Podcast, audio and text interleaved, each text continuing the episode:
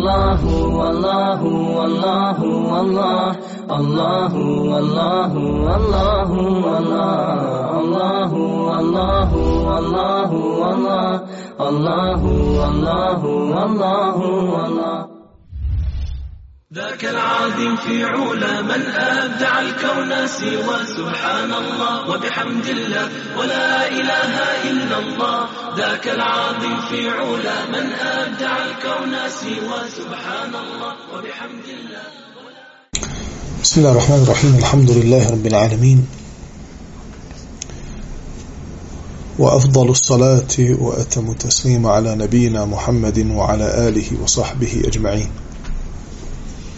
اللهم علمنا ما ينفعنا وانفعنا بما علمتنا وزدنا علما يا كريم الله pripada sva hvala i zahvala. Neka je salavat i selam na Allahu poslanika i miljenika Muhammeda alaihi salatu wasalam. Na njegovu porodicu, časne ashabe i sve ostale vjernike i vjernice koji slijede u dobru do sudnjega dana.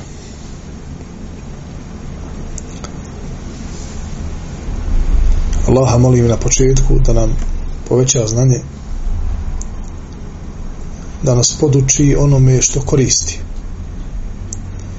i da nam olakša da se okoristimo od onoga sa čime nas je naučio. A u istinu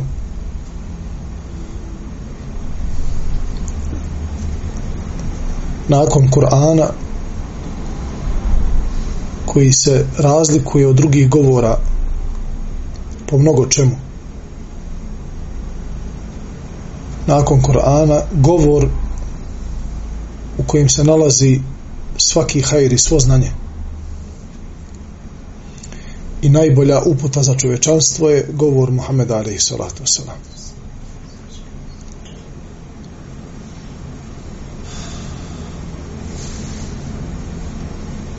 Jer u njegovom govoru se nalazi mudrost za one koji žele da razmišljaju. Nalazi se uputa za zalutale i nalazi se znanje za one koji ne znaju. Onaj ko se uhvati puta ko se bude pridržavao puta na kojem je bio Muhammed sallallahu alaihi wasallam ne može zalutati ne može zalutati ni na dunjaluku ni na ahiretu. A lutanje po dunjaluku podrazumijeva biti daleko od onoga zbog čega nas je Allah Đelešanuhu stvorio i biti daleko od smirenosti duše i zadovoljstva srca i biti daleko od onoga što čovjeka čini smirenim, zadovoljnim i čiji život na ovome svijetu je usmjeren ka univerzalnim vrijednostima Islama gdje je Islam došao da ljude izvede iz tmira na svjetlo da pojasni ljudima put kako bi im bio jasan kao što je jasno sunce u pobijela dana. Bez imalo sumnje, bez imalo e, tmine ili magle ili nejasnoće a na ahiretu zalutao je svak onaj ko dođe, Allah nije sa njim zadovoljan.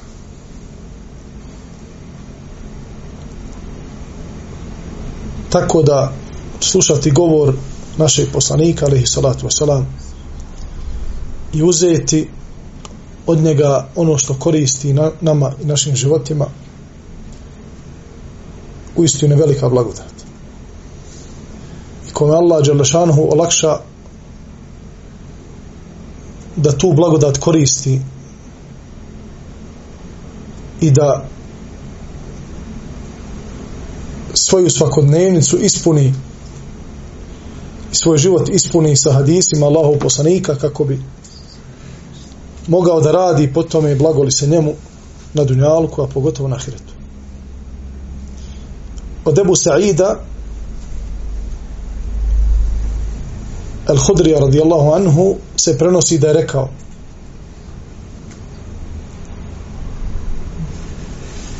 ne postoji obazriv čovjek a da nije griješio. Niti postoji mudar čovjek a da nije prošao kroz iskustvo. A također kod Ahmeda i kod Tirmizija se nalazi ova predaja gdje je ovaj ashab Ebu Sa'id al-Hudri ovu izreku podiže da je to hadis, to jest da je čuo od Allahu poslanika ali salatu wasalam.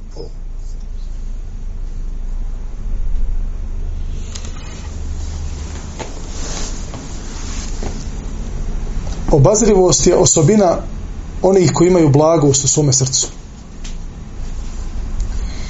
To je osjećaj prema drugima.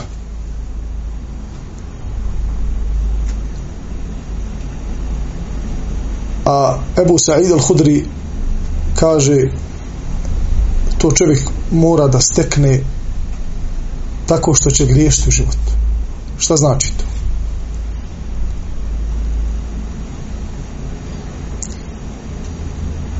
greške, braćo moja,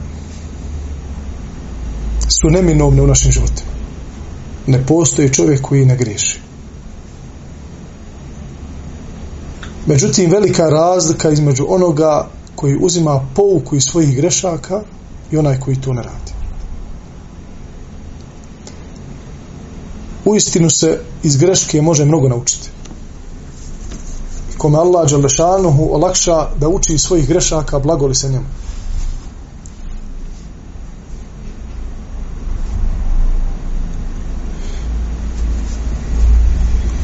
odnos naspram drugih ljudi zahtijeva veliku mudrost znanje iskustvo. I zbog toga često treba omladini praštati. Mlad čovjek podrazumijeva se da je čovjek bez iskustva. I često mladi ljudi, mlade osobe ne znaju da se ponašaju onako kako bi trebali da se ponašaju. I nije isto kada mladić pogriješi i kada to uradi onaj koji već trebao da ima neko iskustvo u životu.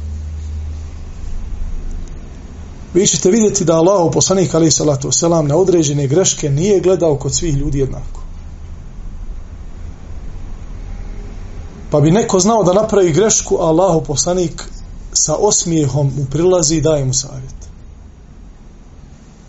Dok manju grešku nego što je ovaj učinio, prvi, čini neko ko ne bi trebao da pogriješi u tom segmentu. Jer već ima dovoljno znanja, već ima dovoljno mudrosti, već ima dovoljno iskustva u životu, pa mu ta greška koja mu promiče i koja mu se dešava ne bi trebalo osnovi da se desi. Pa Allahu poslanik znao se zacrveniti od ljutnje i to bi se znalo prepoznati u njegovom govoru. Pa na primjer kada se onaj seljak Beduin pomokrio u mesčidu Allahu poslanik ali sam nakon svih dešavanja nakon svega staje u njegovu odbranu primiće ga sebi da sjede pored njega i sa blagošću mu govori da je mesčid mjesto gdje se obožava Allah. I da to nije mjesto gdje ljudi trebaju da obavljaju fiziološku potrebu. Na najljepši način mu se obraća. Do te mjere da ta isti beduin kaže Allahu moj smiluj se meni Muhammedu nemoj se nikom drugom smilovati jer ostali su skočili da ga pa mu kaže sallallahu alejhi ve selleme nakon toga što je rekao kaže nemoj činiti uskim ono što je široko. To jest nemoj prizivati Allahovu milost koja je sve obuhvatila samo na mene i na tebe a da ne obuhvati i druge ljude. Hoće da mu kaže pa pogledaj kako sam se ja tebi smilovao nakon što, što sam te vidio da obavljaš nuždu pa sam imao za tebe dovoljno samilosti i sabura i strpljenja i lijepog ponašanja da ti se obratim pa i ti budi takav prema drugim ljudima. Ako sam te ja podučio ako si već znači i ti budi isti takav. S druge strane za dosta manju grešku se znao alaihi salatu wasalam naljutiti pa prenose ashabi da bi se znalo crvenilo na njegovim obrazima da vide od ljutnje koju je imao kada bi vidio mnogo manji manju grešku kod ashaba koji su bili već uz njega od mekanskog perioda koji su prošli tu medresu. Prošli su kuću, e, medresu kuće Dari Erkam, er-, Erkam. Pre, prošli su hijđru. Prošli su prve dane boravka u Medini. Prošli su oni naj... i onda prepirka pred Allahovim poslanikom podizanje glasa pred, pred njim alihi salatu wasalam je bilo nedopustivo za takve velikane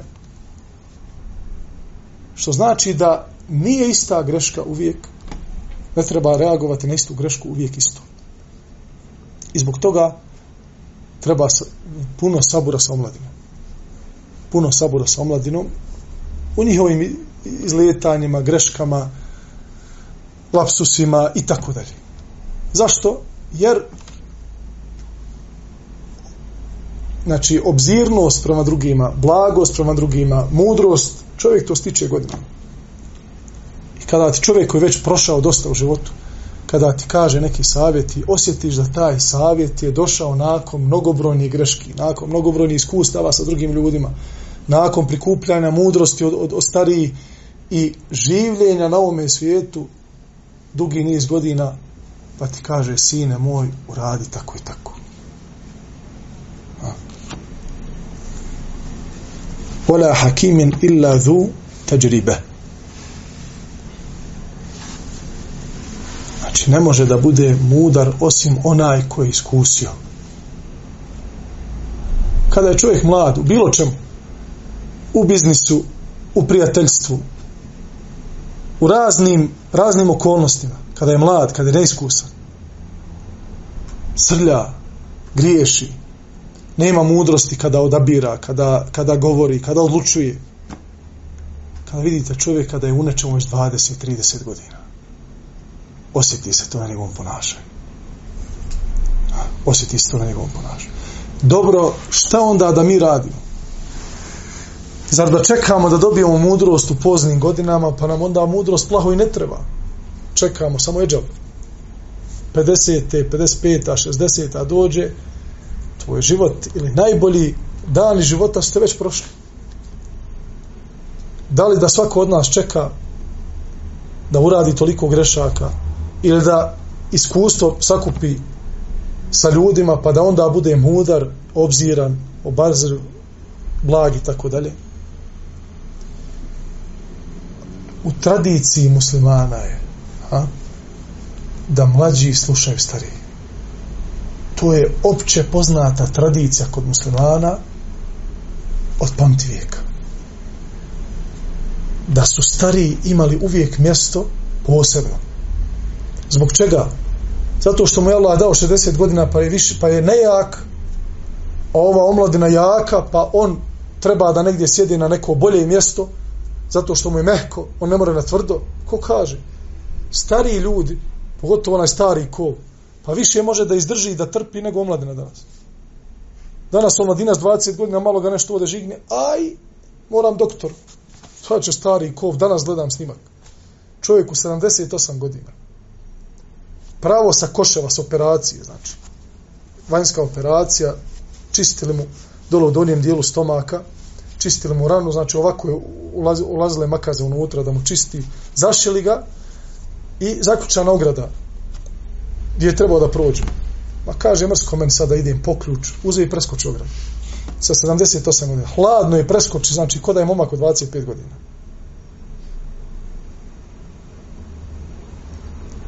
Zašto muslimani uvažavaju starije ljude? Zbog znanja i mudrosti koje nose pri, pri sebi. I zbog toga im daju posebno mjesto i zbog toga omladina kada su stariji tu, to je u tradiciji muslimana, sad, jel mi u našim sjelima to poštujemo ili ne, to je sad druga stvar. Ja vam govorim šta je u osnovi kod muslimana, u muslimanskoj tradiciji, od pamt vijeka bilo. kada je stariji prisutan, omladina šuti. Zašto? Da bi stariji što više pričao, da bi ovi što više saznavali od onih iskustava i mudrosti koje ovaj prošao u svome životu. Pa da i mladić bude iskusan, mudar i obazriv i pametan i učen i da iskoristi to u svojoj mladosti onda kada mu je to najpotrebnije. A onda nije bilo strano da su mladi ashabi poput Ibn Abasa poput Ibn Omera a, poput Ali radijallahu anhu i drugi ashaba u ranoj mladosti bili iskusni, mudri, pametni momci. Koji su znali kako se obhoditi prema drugima. Koji su znali šta je mudrost koji su znali šta je znanje. I u njihovim govorima u njihovim dijelima i ono što su ostavili za sebe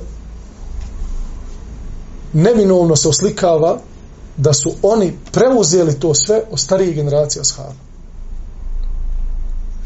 i da su upravo poštovali ovaj segment da su slušali starije ashabe prenosili im svoje iskustva mudrost i znanje i oni su potom i radili u mladim godinama. I zbog toga su postigli mnogo. Nisu čekali da ostare pa da sva iskustva i mudrost steknu na svojoj koži pa tek onda u poznim godinama da oni dijele savjet. Onda od toga nema više ništa malo je onda fajde. Možda onda fajdu samo treba samo će imati onaj tvoj sin ili neko iz svog okruženja kome ćeš ti davati ali je pametan onaj čovjek a, koji proživi svoj život slušajući starije šta će mu reći. I u istinu osoba koja nikoga ne sluša niti od koga uzima savjet šta će u životu i kako će da odluči i kojim putem treba da ide. I kada želi neku odluku u životu da donese ako nikoga ne pita na ko, ko je stariji od njega i učeniji, mudriji i iskusniji u životu ako to ne uradi njegovih grešaka će biti bezbroj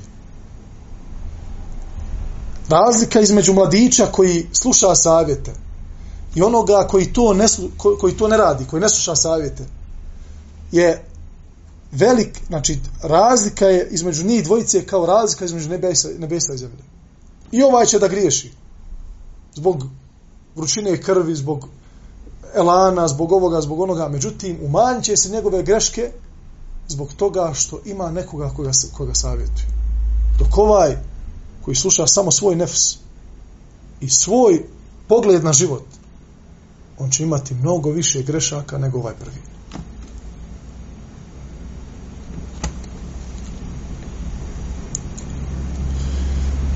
Poglavlje ko u ime Allaha nahrani svoga brata.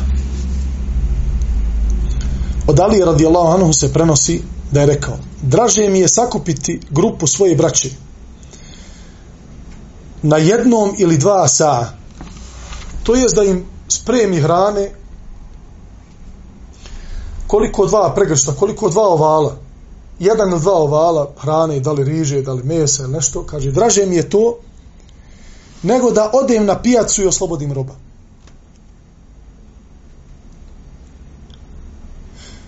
Zašto? Zato što jedno društvo, sve dok postoji ljubav i povezanost među ljudima, to društvo će biti u hajru. danas nam prijeti jedna globalna opasnost, epidemija, koja napada sva društva, pa i muslimansko. A to je individualnost u životu. Da se ljudi sve više uvlače u svoj individualni život i prave čahur oko sebe. I sve više se zadovoljavaju da budu da ne budu u velikim okruženjima, da ne budu među prijateljima, da se ne druže plaho zato što su zamijenili društvo nekim drugim stvarima koje im ispunjavaju njihov, njihov dan i njihovu noć. Pa nemaju toliko više potrebu da se druže. Tu leži veliki problem. Jer sve što je više prijatelja, sve je više sutra ljudi koji će ti skočiti u pomoć kada ti bude potrebno. Sve je više ljudi koji će znati da te podrže i znaju tvoje osobine, znaju tvoju prirodu, znaju tvoj karakter, znači da ti upute savjet kada ti bude trebalo. Jer Allah Đalešanuhu kada je objavio knjigu Kur'an obraćao se u apsolutnoj većini ajeta obraćao se džematu obraćao se skupinom vjernika kako bi tim kuranskim tekstovima bila poslata jasna poruka da Allah od nas traži da budemo zajedno. Da Allah od nas traži da zajedno Allaha Đerlešanu slavimo i obožavamo. Pa onaj ko se otvori, odvoji, kao što kaže sallallahu alaihi wa sallam, onaj ko se odvoji, fa inna zi'be je'kulu min ghanem el qasije. u istinu vuk jede koju ovcu, ona koja je odbjegla. Iako sve ovce su neminovna žrtva vuka, ali one koji se drže džemata, one koji su jedna uz drugu, a, koje su, fuk ne smije tek tako da priđe tu.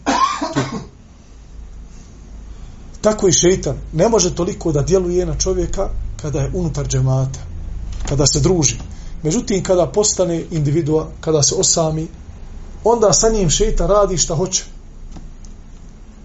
pa on čak dovede ga do te mjere, do te situacije da on ne može da na sebi primijeti negativne promjene. Ali tu su onda njihova, njegova braća koja to primijete i onda ga ispravljaju kao što ispravlja ogledalo tvoj friz ako ga imaš, tvoju bradu, tvoju kragnu, neku fleku na licu, ako sve to šta vidiš na ogledalu, pa to popraviš. E takav je vjernik, kaže alaihi salatu wasalam, vjernik je vjerniku kao ogledalo. Vjernik je vjerniku kao ogledalo. I zbog toga Ali radijallahu anhu daje prednost daje prednost šta? Sakupljanju braće na sofri. To jeste da stiče nove prijatelje i da učvršćava tu vezu između ljudi, nego da ode na, na pijacu i da oslobodi roba, znajući da i, to, i zato postoji velika nagrada, to jeste da je postojala velika nagrada za to, zato što je Islam odmah na samom početku, nakon, u medijinskom vremenu, nakon što, je, e, što, što su muslimani učinili hijđu sa poslanikom, ali i salatu selam, vidjet ćemo da u mnogim kuranskim ajetima i hadisima postiče se, negdje se naređuje putem kefareta, putem onaj, e, otklanjanja određenih e, propusta prilikom činjenja ibadeta, vidjet ćemo da Islam je post, posticao da se e, otkloni to robovlasništvo društvo i da se da ljudi budu svi slobodni, kao što je na kraju se i desilo. Znači da je e, Islam svojim propisima oslobodio ljude od robo, robovlasništva.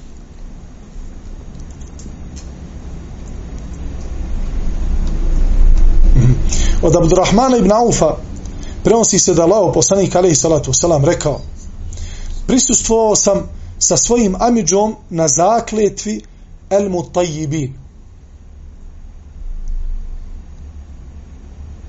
kaže fema uhibbe en enkusehu wa ene li humuru ni'am. I kaže ne bi volio tu zakletu prekršiti kad bi mi neko dao krdo crvenih deva. Al-Mutajibin to je bilo savezništvo prije Islama. Savezništvo vitezova u Mekki koji se zavjetovali da će njihov posao biti da pomažu obespravljene i da budu uvijek na strani mazluma. Pa kada bi jedno pleme koje je jako prkosno, snažno, napalo slabije pleme, što se često znalo dešavati prije Islama, među Arapima, iz mnogih razloga i znalo se dešavati u istoriji i drugih naroda i civilizacija i dan danas se dešava. Da jače države napadaju slabije, pljačkaju ih, ubijaju i uzimaju njihova bogatstva, okupiraju njihove teritorije, to je opće poznato. Pa su se u Mekki udružili e, ljudi iz plemena Korejiš, i zaklijeli se, dali zakletvu da će braniti mazluma kogod on bio. Pa kada bi se to desilo, kaže, upozorili bi prvo pleme koje je napalo da to ne smiju da rade i da je to zulum, da je to nepravda. Pa ako bi to odbili, stali bi na stranu mazluma, onome koji učuje nepravda i borili bi se protiv. I Allah, poslanik, alaih sallatu kao mladić je učestvovao u jednom takvom ratu, međutim bio je previše mlad i nije imao sablju u svojim rukama, nego je strijelcima dodavao strijele koje su gađale one koji su bili koji su bili zlomčari. Pa kaže, ne bi tu zakletva. a u drugom hadisu, alihi salatu wasalam, kaže, kada bi ponovo bio pozvan na sličnu zakletu, ponovo bi se odazvao. Zato što je alihi salatu wasalam volio pravdu.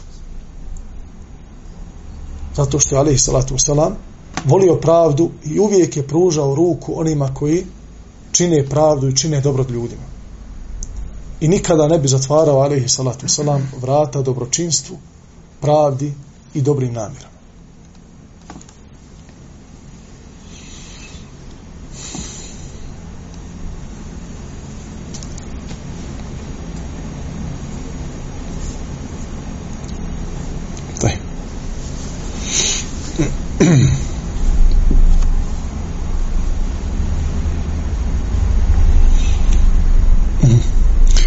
Priča, radijallahu anhu, bili smo sa vjerovjesnikom, alaihi salatu wasalam, kad nas je uhvatila kiša.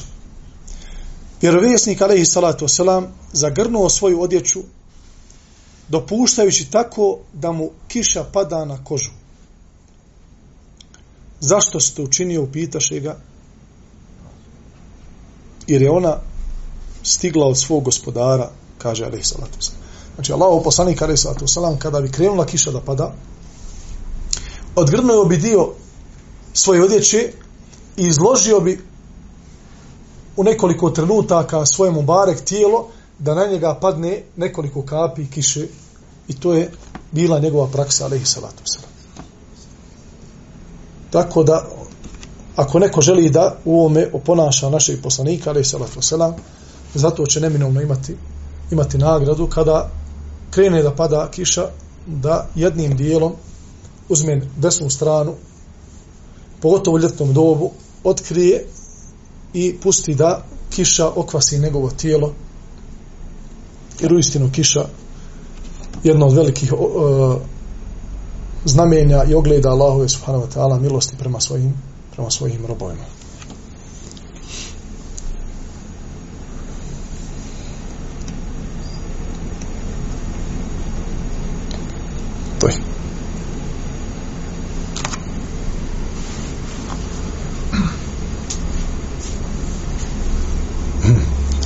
Hureyre radijallahu anhu se prenosi da je rekao sedam je velikih grijeha. Prvi je pripisivanje Allahu druga. Potom ubijanje, klevetanje nevinih žena i življenje u pustinji nakon se obe. Nakon se obe misli se na, na hijđru. To jeste da čovjek se odvoji od naroda, odvoji se od džemata i živi sam. Dobro, samo po sebi življenje u samoći nije grije. Nije grije. Čovjek kada zanoći sam u kući, nije grije. Jest da nije od suneta Allahov poslanika, ali sallatu selam, ali nije grije. Međutim, Ebu Horeira razmišlja unaprijed. Pogledajte kako su ashabi Znači nisu gledali stvari, e, daj da vidimo, ovdje je crno, ovdje je bijelo. Ne, gleda unaprijed.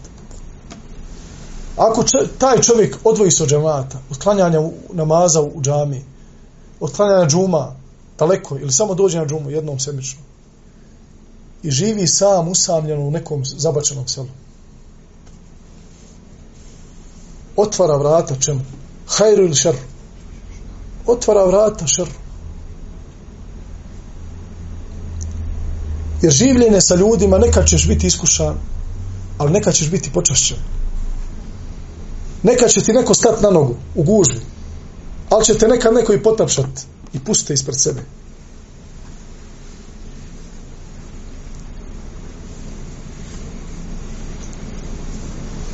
bitno je samo da čovjek zna a, kada izađe na ulicu sve je u tvojoj glavi svaki, svako moguće iskušenje koje će izaći pred tebe do tebe je kako ćeš mu prići.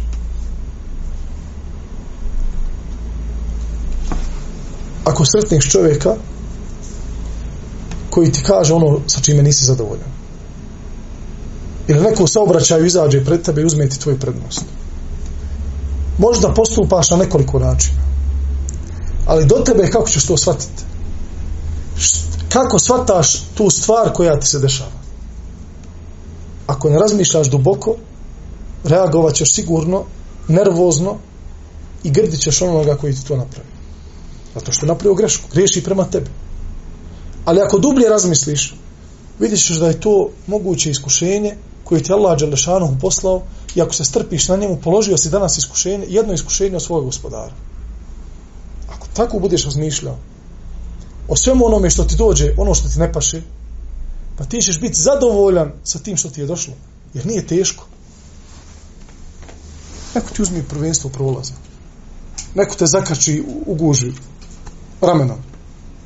I ti kažeš, pa ovo iskušenje koje me Allah Đelešanohu poslao, da vidi hoću biti strpljiv ili neću.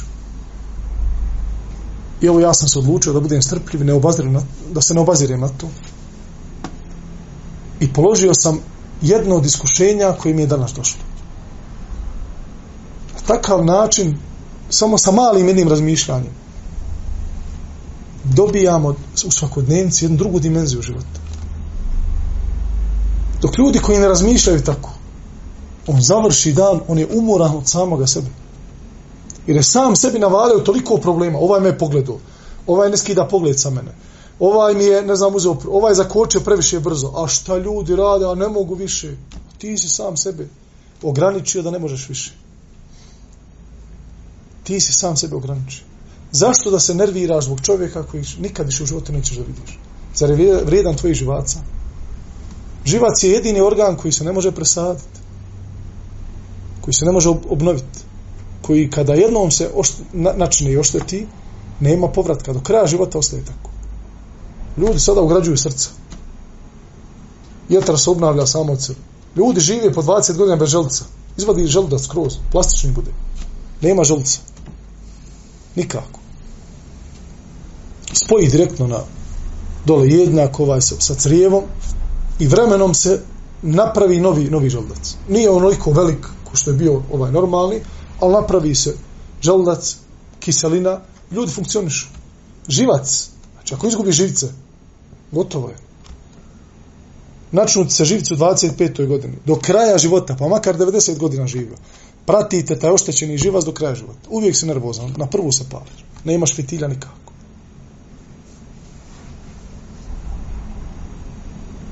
Ti i nerviraš se za sve živo.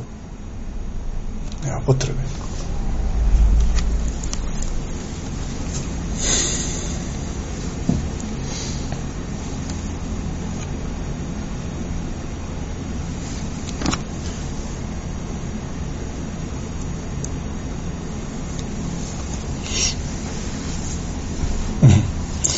Abdullah, Abdullah ibn Abdurrahman ibn, ibn Abd el-Qari kazuje Omer, Omer ibn Khattab je sjedio sa jednim ensarijom kad dođe Abdurrahman ibn Abd el-Qari i sjede pored njih.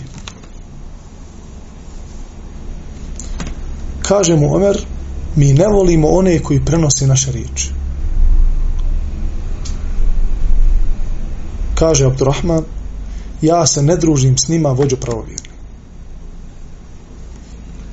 kaže mu Omer druž se ti s kim hoćeš samo nemoj prenositi naše riječi. Potom se obrati onom Ensari šta ljudi govore ko bi mogao biti halifa posle mene? Ensarija mu nabroja nekoliko imena ne spomenuši pritome Alino pa Omer reče zašto izbjegavaju Ebul Hasana? Tako mi Allaha, on će ih, ako bude imao vlast nad njima, najprije izvesti na put istine. kada pogledamo ovaj dijalog vidjet ćemo da uh, Omer radijallahu anhu je bio čovjek koji šta, šta ti ima da kaže, on ti odmah kaže. Bez plaha umotavanja. I on je radijallahu anhu uvijek takav bio. Prema svima. I to govori o njegovom o njegovoj poštenoj ličnosti. Čovjek koji je pošten, koji je iskren, koji ne ima zlobe prema ljudima, on im kaže ono što misle njima. Onaj koji je pokvaren, onaj koji ima dvolično, dvoličnosti u sebi, on ti nikad neće reći pravu istinu. Uvijek će pokušavati nešto zamota, da ti sakrije. Omer radijallahu anhu iz njegovih savjeta, njegovih kritika, njegovih uputa koje je upočivao ljudima, vidjet ćemo da se radi o čovjeku koji je imao kristalno čisto srce. Radijallahu anhu. I da je želio ljudima hajr. I nikada nije se dvoumio radijallahu anhu da kada vidi istinu da pristupi njoj. Nikada. Kada god bi vidio hajr uvijek bio na toj strani. I kada bi god vidio šer, nikada nije na zlo prešutio. Nikada nije vagao. Vidi šer, imao je toliki kapacitet kao ličnost i sa znanjem, i sa tijelom, i sa duhom, i sa srcem i hrabrošću, da odma izađe na mejdan sa šerrom, sa zlom i da mu se suprostavi. I zbog toga ga je, sallallahu alaihi wasallam, nazvao da je on vrata zatvorena vrata koja štiti da fitna dođe među muslimane. I u jednom hadisu ga je spomenuo da kada ta vrata se provale, onda će tek moć fitna da i smutnja da, da se proširi među muslimanima. Aludirajući na smrt Omer radijallahu anhu. Prije toga nije bilo šanse. Nije bilo mo mogućnosti da dođe fitna među muslimane zato što je Omer bio direktan I svi su prepoznavali iskrenost u njegovim riječima zato što nije imao, ha, hajde, ovako mi u žargonu kažemo, nije imao klikira u džepu pa da neki oraha pa da ne smije da ljudima kaže da se boji da ovo odmah ti direktno kaže. Šta ti misli? To često zna biti gorko. Znaš, kad ti neko direktno kaže, Boga mi, ne bude sve jedno. Ali onaj ko ti direktno uputi savjet, bez da te sramoti, bez da te sramoti, to jest na samo, ili u onom domenu prisustvosti drugih ljudi, gdje se vidi da to nije nikakva sramota, nego je to savjet, odgojni savjet starijeg čovjeka, mudrijeg i učenijeg, onome ko sjedi ispred njega, da li to bili njegovi učenici ili, ili nešto slično. Takav čovjek zna da ti iskren prijatelj takav čovjek zna da ti iskren prijatelj. Ako se druži s tobom pet godina i nikada ti nije uputio kritiku ili savjet za neku tvoju grešku, zna da ti nije pravi prijatelj. Jer je nemoguća misija da se s nekim družiš pet ili više godina a da ti nikada ne uputi savjet, to je da nikada nisi pogriješio. A šta će mi onaj prijatelj koji gleda moje greške svojim očima, a zanemaruje ih i ne želi da mi ispravi. Znači on uopšte ne želi hajr za mene. Tek onaj koji ima dovoljno znanja i hrabrosti kaže, slušaj, Allah te nagradio, ali mislim da ovdje spogriješ. Treba tako da cijeniš. I ako imaš nekoga među prijateljima koji je takav, često mu daj poklone i poklanjaj mu i druži se sa njim i čuvaj prijateljstvo s takvim čovjekom, jer u istinu je ta iskren. Jer samo iskreni mogu da, da upute savjet. Molići Allaha Đalešanu da nam se smiluje, uputi na pravi put i oprosti grijehe. Kulu qavli hada wa stakfiru Allahi li velekum. Subhanika Allahu bihamdika šanu la ilaha ila ante stakfiruke wa atubu ilaik. Mm.